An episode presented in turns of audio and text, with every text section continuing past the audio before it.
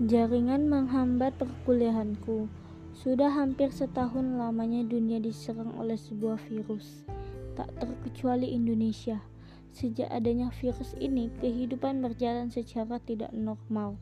Contohnya, pemberlakuan PSBB dari pemerintah untuk semua orang, yang isinya larangan untuk keluar rumah jika tidak ada kepentingan, kewajiban memakai masker jika berada di luar ruangan selalu rajin mencuci tangan, dan himbauan untuk melakukan jaga jarak dengan orang lain.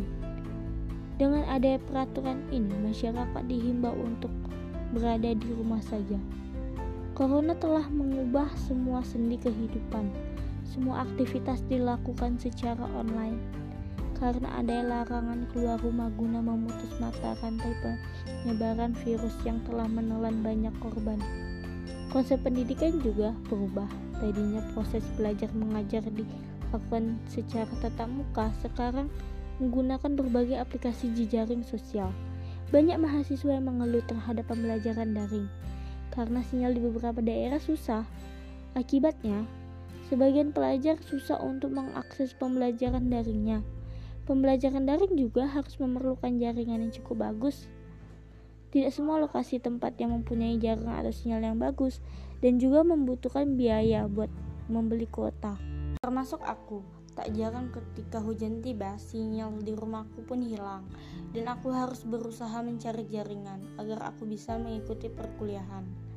Momen di mana aku rela hujan-hujanan demi bisa mengikuti perkuliahan daring. Aku tinggal di kilometer 16 arah Huban banyak yang bilang kilometer 16 hutan semua. Eh, ya memang. Rumahku dikelilingi hutan. Jaringan di sana kadang bagus, kadang tidak. Karena aku ingin mengikuti perkuliahan daring, mau tak mau aku harus ke kota. Di kota ada rumah saudaraku. Di sana jaringan cukup bagus. Kegiatan yang kulakukan di masa pandemi ini sebenarnya sama saja dengan kegiatan yang kulakukan sebelum virus ini melanda.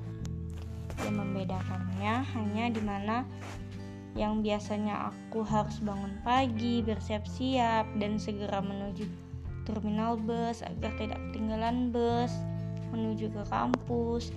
Dan sekarang aku harus bangun pagi, bersiap untuk mencari jaringan agar aku bisa mengikuti perkuliahan daring. Setiap paginya aku harus pergi ke tempat saudaraku untuk mendapatkan jaringan yang stabil agar aku mudah mengikuti perkuliahan. Hal inilah yang rutin kulakukan setiap hari di masa pandemi ini.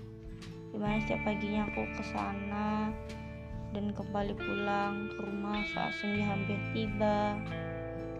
Akan kuceritakan perbedaan dari kegiatan yang kulakukan sekarang dan kegiatan yang sebelumnya aku lakukan sebelum perkuliahan daring diterapkan.